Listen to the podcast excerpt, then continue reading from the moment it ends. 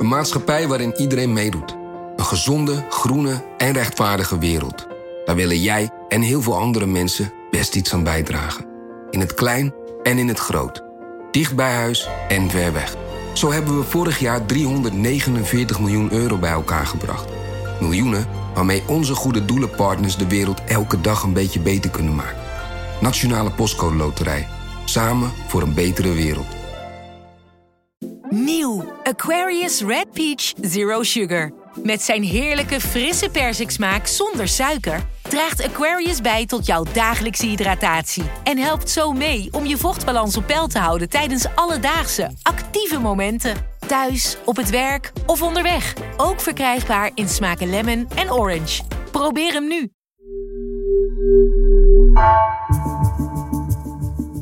Vanaf de redactie van NRC het verhaal van vandaag. Mijn naam is Floor Boon.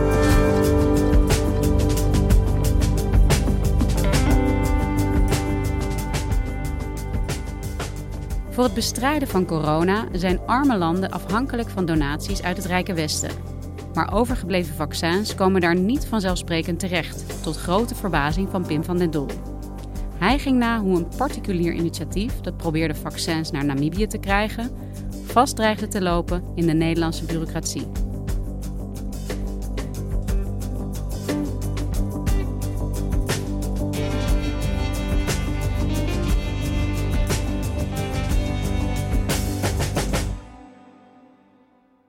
Het is begin juni als uh, de Haagse huisarts Jan-Peter Veenstra uh, in Namibië in een restaurant, in een wildreservaat, aan tafel zit met een van zijn collega's uit Namibië, Rudy van Vuren. Veenstra, hij is daar op uitnodiging van zijn zakenpartner en ondernemer Margot Fabry de Jonge. Om te kijken hoe ja, ernstig de situatie rond corona is en of ze misschien iets kunnen betekenen. En uh, nou ja, daar aan tafel, uh, terwijl ze uh, wild zitten te eten, met foto's van grote leeuwen op de achtergrond.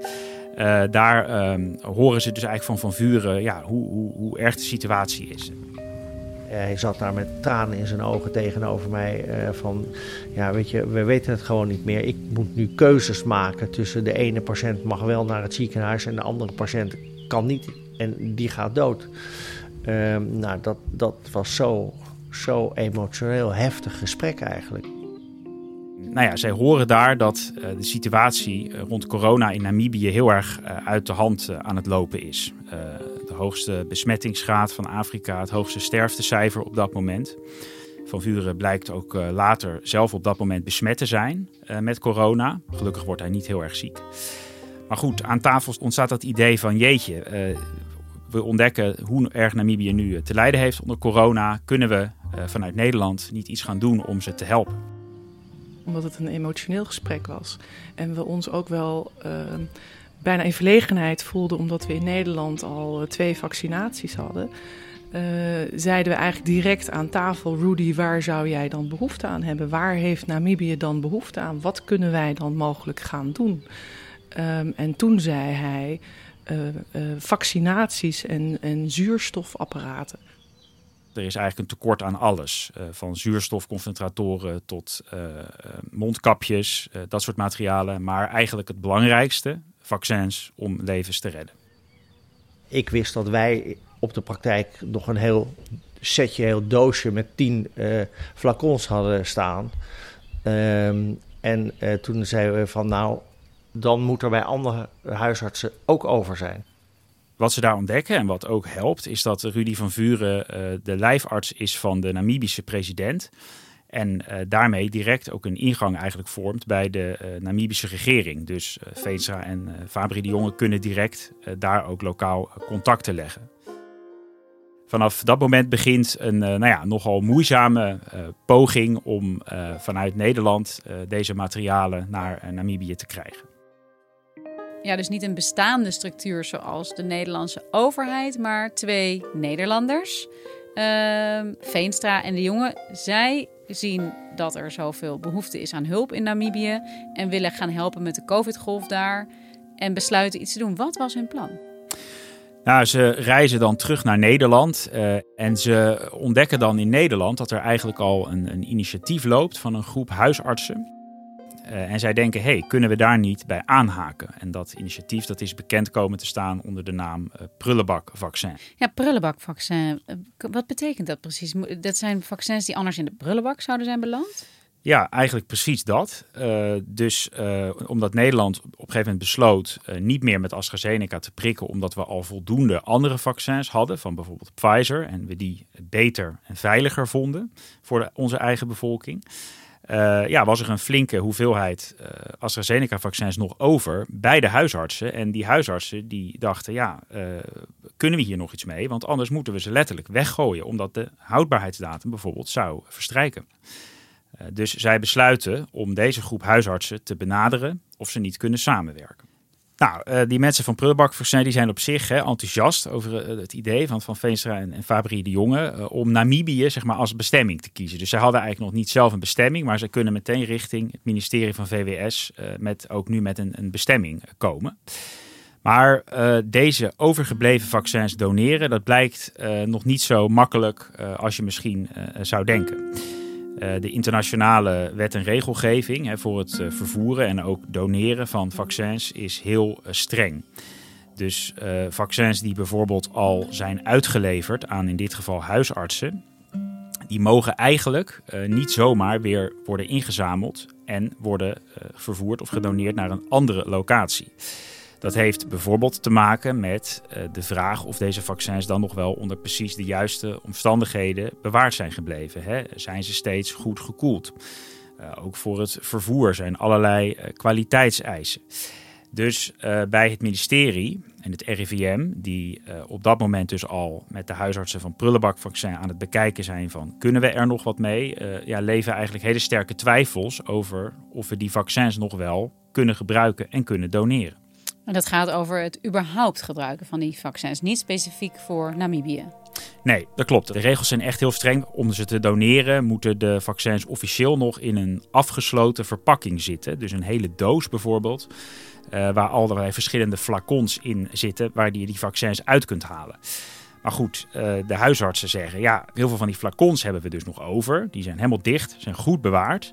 Die liggen hier in de koelkast, uh, maar ze zitten niet meer in die oorspronkelijke doos. Om maar een voorbeeld te noemen, vanuit het RIVM zijn 10.000 vaccins direct geleverd aan Leiden, aan de GGD in Leiden. Die staan daar gewoon volledig verpakt in een bewaakte koelkast in Leiden. Um, en die mogen, mochten niet uitgeleverd worden, terwijl um, daar is in de hele keten, de cold chain, is gewoon volledig gegarandeerd en er is niks mis met die vaccins die huisartsen zijn eigenlijk heel gefrustreerd al snel over waarom zijn de regels nou zo verschrikkelijk streng? Uh, en kunnen we daar in crisistijd niet even een beetje van afwijken? Wij probeerden dat te doorbreken door te zeggen van luister, ondanks ja, dat het misschien uh, juridisch niet helemaal waterdicht is, maar je, je hebt een keuze, je kan nu ingrijpen of mensen dood laten gaan een, een land als Namibië uh, hè, daar heeft zich ook bereid verklaard uiteindelijk om deze vaccins uh, over te nemen. Ja, dat klinkt eigenlijk als een hele goede oplossing als Namibië ze wil. Kan dat dan wel, ook al heeft Nederland die strenge regels? Nou, Nederland is op dat moment aan het kijken, hè, kunnen we toch nog iets doen met die huisartsenvaccins? Dus het RIVM gaat bijvoorbeeld nog langs bij een aantal centrale opslagplaatsen van de huisartsen om te kijken, nou, onder, hè, liggen die vaccins er nog goed bij? Zitten ze nog in die verpakkingen? Dus dat wordt nog uitgebreid onderzocht, maar toch uh, moeten het ministerie en het RIVM uiteindelijk concluderen, hoe graag we het ook zouden willen, we kunnen dit toch niet doneren en die prullenbakvaccins, ja, die komen helaas dus niet in aanmerking. Dus die belanden uiteindelijk allemaal echt in de prullenbak? Het grootste deel daarvan is inderdaad uh, vernietigd. Uh, Namibië was ook uh, nog om een andere reden voor Nederland niet direct uh, de meest logische bestemming om aan te doneren. Omdat Namibië niet op de COVAX-lijst stond van landen die via het internationale programma van de VN vaccins gedoneerd krijgen. want Namibië is eigenlijk binnen Afrika dan weer net te rijk om voor dat COVAX-programma in aanmerking te komen. Alleen ja, op dat moment had het land dus wel de hoogste besmettings- en sterftecijfers van, van heel Afrika. Dus ja, de nood was wel heel hoog. Maar intussen voelt het ministerie zich wel heel erg onder druk gezet. Ehm, Jan-Peter Veenstra bijvoorbeeld zit de avond voordat er weer een gesprek is hierover zit hij bijvoorbeeld op televisie in het op dat moment goed bekeken sportprogramma Oranje Zomer van Wilfred Gené. En daar houdt hij dus een pleidooi voor doneren aan Namibië. En, en legt hij eigenlijk uit van dat hij toch maar niet begrijpt waarom het allemaal zo moeilijk is. Precies, we hebben alles geregeld. We hebben alles met de overheid van Namibië geregeld. Die willen die vaccins graag hebben. Uh, het vervoer inderdaad is geregeld. En het enige is nog wachten op uh, goedkeuring uh, van de overheid. Want de vaccins zijn uiteindelijk van VWS en die moeten akkoord geven. Maar wat is de dingen... reden dat ze niet meteen ja zeggen? Want het dus... is toch iets waar je niet tegen kunt zijn? Het lijkt me ook dat je daar absoluut niet tegen kan zijn. Want het gaat tenslotte om het redden van mensen. Het ministerie vindt dat allemaal zo uh, ja, onaangenaam worden in de publiciteit. Dat ze op dat moment uh, toch denken van ja, we moeten hè, van dit probleem af eigenlijk. Wat het op dat moment ook voor het ministerie was geworden. Het ministerie eh, voelde zich ook nog op een andere manier eh, onder druk gezet. Uh, namelijk door het feit dat dat Veenstra en Fabri de Jonge eigenlijk al hè, de weken daarvooraf uh, voortdurend contacten aan het leggen waren natuurlijk in Namibië met de Namibische overheid. Met de bedoeling om maar druk te zetten op het ministerie van, van Volksgezondheid. Dus ik vond het wel uh, frappant om uiteindelijk ook te lezen dat uh, Hugo de Jonge in uh, een Kamerbrief schreef dat de donatie aan Namibië mede tot stand was gekomen door de verwachtingen die in Namibië zijn gewekt. Dus op basis van een lobby van twee mensen eigenlijk lukt het uiteindelijk om het ministerie zo ver te krijgen dat ze willen gaan onderzoeken of ze vaccins kunnen gaan doneren aan Namibië. Op welke manier gaan ze dat uiteindelijk dan doen? Nederland besluit dan toch uh, vaccins te doneren, namelijk uh, overgebleven AstraZeneca-vaccins uit de centrale voorraad in Os. Er wordt dus dan gezegd van nou, we gaan kijken hoe, hoeveel we voor Namibië beschikbaar uh, hebben. En er wordt dan ook een persbericht verstuurd waar dan wat verwarring over ontstaat. de kop van het persbericht, dat was zoiets als nou ja, Nederland ehm, stelt 745.000 eh, vaccins beschikbaar aan eh, Namibië en Tanzania. Maar het persbericht was eigenlijk wat ongelukkig geformuleerd. Want VWS bedoelde daarin eigenlijk te zeggen: Nou, we gaan kijken welk deel we van die 745.000 aan Namibië kunnen geven.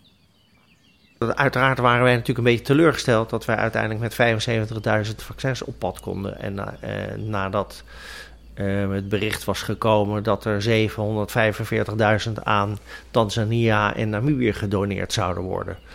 Uh, en dat persbericht hadden wij doorgestuurd naar, naar Namibië. En toen kwamen we daar aan en toen moesten ze zeggen... ja, god, weet je, het, het is toch veel minder geworden um, dan uh, in het bericht stond. Het is natuurlijk nogal een verschil, hè? 750.000 ongeveer, of uiteindelijk de 75.000 die het zouden worden, zoals begin augustus blijkt. Ja, want hoe groot is Namibië eigenlijk? Hoeveel vaccins zouden ze nodig hebben om ook tot een beetje een uh, fatsoenlijke vaccinatiegraad te kunnen komen? Nou, Namibië is een heel uh, uh, dun bevolkt land eigenlijk. Heeft eigenlijk maar weinig inwoners. 2,5 miljoen, dat is natuurlijk echt niet veel. dus dat geeft wel aan dat die 750.000 bijvoorbeeld echt een enorm ja, verschil hadden kunnen maken voor, voor Namibië. Voor, deze landen geldt, die zijn heel erg afhankelijk van de donaties die ze überhaupt krijgen. Dus uh, natuurlijk heeft de Namibische regering zich heel dankbaar richting Nederland betoond je kunt je natuurlijk wel afvragen of uh, deze landen steeds geholpen zijn bij de hele kleine beetjes die, die andere landen nu aan ze, aan ze geven. Ja, want hoeveel vaccins heeft Nederland eigenlijk over? Wat zijn de aantallen van wat Nederland zelf heeft weggeprikt in de eigen bevolking en wat er nog ja, over is? Uh, nou, Nederland heeft in ieder geval uh, tientallen miljoenen vaccins over. Dus in de zin van te veel besteld. He, dat komt al voort uit de eerdere contracten, zoals die bijvoorbeeld met Pfizer en, en AstraZeneca zijn uh, gesloten. Dus als je een, een vaccin vergelijkt met een pak melk. En als, als Nederland, als een van de tien rijkste landen, koop je dus 80 miljoen pakken melk. dan weet je dus dat op een gegeven moment die melk niet meer, uh, dat die over de datum gaat. En ik vind het nog steeds best heel lastig uh, uit te leggen dat wij als Nederland dat dus eigenlijk gewoon in, in, in procedure, maar ook in uitlevering, gewoon niet op orde hebben gekregen. Nee, nou zeker de afgelopen maanden uh, had, Nederland nog maar heel weinig uh, vaccins via dat COVAX weten te doneren. omdat er ook daar allerlei ja, gedoe was over de precieze contracten en de voorwaarden waaronder die donaties moesten plaatsvinden. En Hugo de Jonge heeft ehm, onlangs nog in een persbericht laten weten dat er dit jaar nog 27 miljoen vaccins aan COVAX moeten worden gedoneerd. Uh, maar tot nu toe heeft Nederland dit jaar ongeveer 2,5 miljoen vaccins aan andere landen gedoneerd. Dus Nederland heeft 27 miljoen vaccins over en nog maar 2,5 miljoen gedoneerd. Ja. En hoe kan dat eigenlijk? Dat de intenties hiervan zo goed zijn, dat er een programma is opgezet en dat het maar niet lukt om het ook daadwerkelijk van de grond te komen. Waar ligt dat aan? Ja, dat, dat heeft eigenlijk ook weer te maken met uh, allerlei juridisch gedoe, met name ook over de uh, aansprakelijkheid rond die vaccins. Uh, stel Nederland doneert een grote partij AstraZeneca en nou ja, er worden wat mensen ziek, krijgen bijwerkingen toch door die vaccinatie. Ja, dan, dan wil Nederland daar natuurlijk niet meer aansprakelijk voor zijn. Maar de donorlanden die kunnen soms bijvoorbeeld uh, die aansprakelijkheid financieel ook niet zo makkelijk dragen. Dus, dus daar, ja, in die overdracht van die aansprakelijkheid, daar zit, veel, uh, zit een probleem eigenlijk. Ik heb dus gehoord dat uh, het Nederlandse ministerie van VWS ook, in tegenstelling tot sommige andere landen, ja, heel erg moeilijk heeft gedaan over de precieze voorwaarden. dus dat er wat juridische scherpslijpers zitten op het, op het ministerie die ja, die dit ehm, eh, ook een beetje gefrustreerd hebben. En eh, ja, daarom eh, is het eigenlijk door Nederland heel erg traag op gang gekomen nog. Zijn die 75.000 vaccins inmiddels ook aangekomen op de plek van bestemming? Zeker. Um, die zijn um, begin augustus uiteindelijk uh, naar Namibië gestuurd de, de huisarts, uh, Veenstra en, en Fabri de Jonge, die zijn ook naar Namibië gegaan om ze mede nog te helpen zetten. Namibië had in eerste instantie um, in aanloop naar de, het arriveren van de vaccins mensen opgeroepen die al een eerste vaccin gehad hadden. Dus die opkomst was heel hoog. Want al die mensen wouden wel graag hun tweede vaccin hebben. Dus dat, dat was echt een soort stormloop uh, waar je geboren wordt, geeft dus ook de kans hoe gezond en hoe je kans op leven is. En dat heeft ons ook echt wel uh, geraakt. Dat heeft ons hart ook wel enorm geraakt. Ja. En Pim, heeft deze donatie uiteindelijk ook effect? Is er al iets van terug te zien in de cijfers? Uh, nou ja, in Namibië is gelukkig wel de, de, de COVID-golf zoals die dus deze zomer was, uh, wat meer gaan liggen. Uh, dat is overigens niet alleen te danken natuurlijk aan, de, ja, aan die hoeveelheid Nederlandse vaccins. Maar misschien is het toch wel illustratief om te zeggen dat hè, in Nederland op dit moment ruim 80% van de totale bevolking al volledig is gevaccineerd. En uh, in Namibië is dat ruim 10 procent. Uh, dus ja, dat geeft, het geeft ook gewoon nog wel even de, de machtsverhoudingen in de wereld op dit moment uh, aan, denk ik. Nederland heeft zoveel vaccins en gaat, hoorden we deze week toch, Pim, ook nu de Nederlandse bevolking nog een derde prik aanbieden. Hoe, ja, in termen van eerlijk, hoe eerlijk is dat eigenlijk? Ja, nou dat is natuurlijk de grote vraag die, die nu speelt. Ook omdat hè, de Gezondheidsraad bijvoorbeeld nog geen medische noodzaak ziet. Zeker niet voor het, uh, het inenten van 60 miners uh, met zo'n derde prik. Maar ja, hier zie je inderdaad opnieuw die grote vaccinongelijkheid. Rijke landen die al hè, overgaan tot boosterprikken. En armere landen, veel landen in Afrika, maar ook Zuid-Amerika, die ja, vaak nog niet eens een eerste prik hebben kunnen ge geven aan een groot deel van hun bevolking. Maar het is wel heel frank dat er zoveel vaccins in Nederland zijn die er kunnen worden genoneerd, maar dat niet worden. En dan heb je ook nog eens die honderdduizenden ja, prullenbakvaccins die dus ook echt weggegooid zijn, omdat ze niet voldoen aan de strenge hygiëneregels die er zijn. Ja, daar is natuurlijk inderdaad de frustratie van de huisartsen. Maar goed, ook heel veel deskundigen zeggen eigenlijk al veel langer van uh, het Rijke Westen zou veel meer uh, van de ingekochte vaccins aan andere delen van de wereld uh, moeten doneren. Uh, niet alleen hè, uit, uit een soort solidariteit en naaste liefde, maar uh, ook omdat uh, ja, de experts denken dat de pandemie veel sneller kan worden beteugeld als er meer vaccingelijkheid komt op de wereld. Hè? Dus dat het ook nog in het eigen belang van Nederland en andere rijke westerse landen kan zijn om, om royaler en sneller te doneren. Uh, en ja, sowieso, een pandemie duurt meestal sowieso al jaren. Uh, en als deze vaccinongelijkheid op deze manier aanhoudt, dan duurt die misschien nog wel langer. Dankjewel, Pim. Je luisterde naar vandaag, een podcast van NRC. Eén verhaal, elke dag. Deze aflevering werd gemaakt door Iris Verhulsdonk, Esmee Dirks en Stef Visjager. Dit was vandaag. Morgen weer.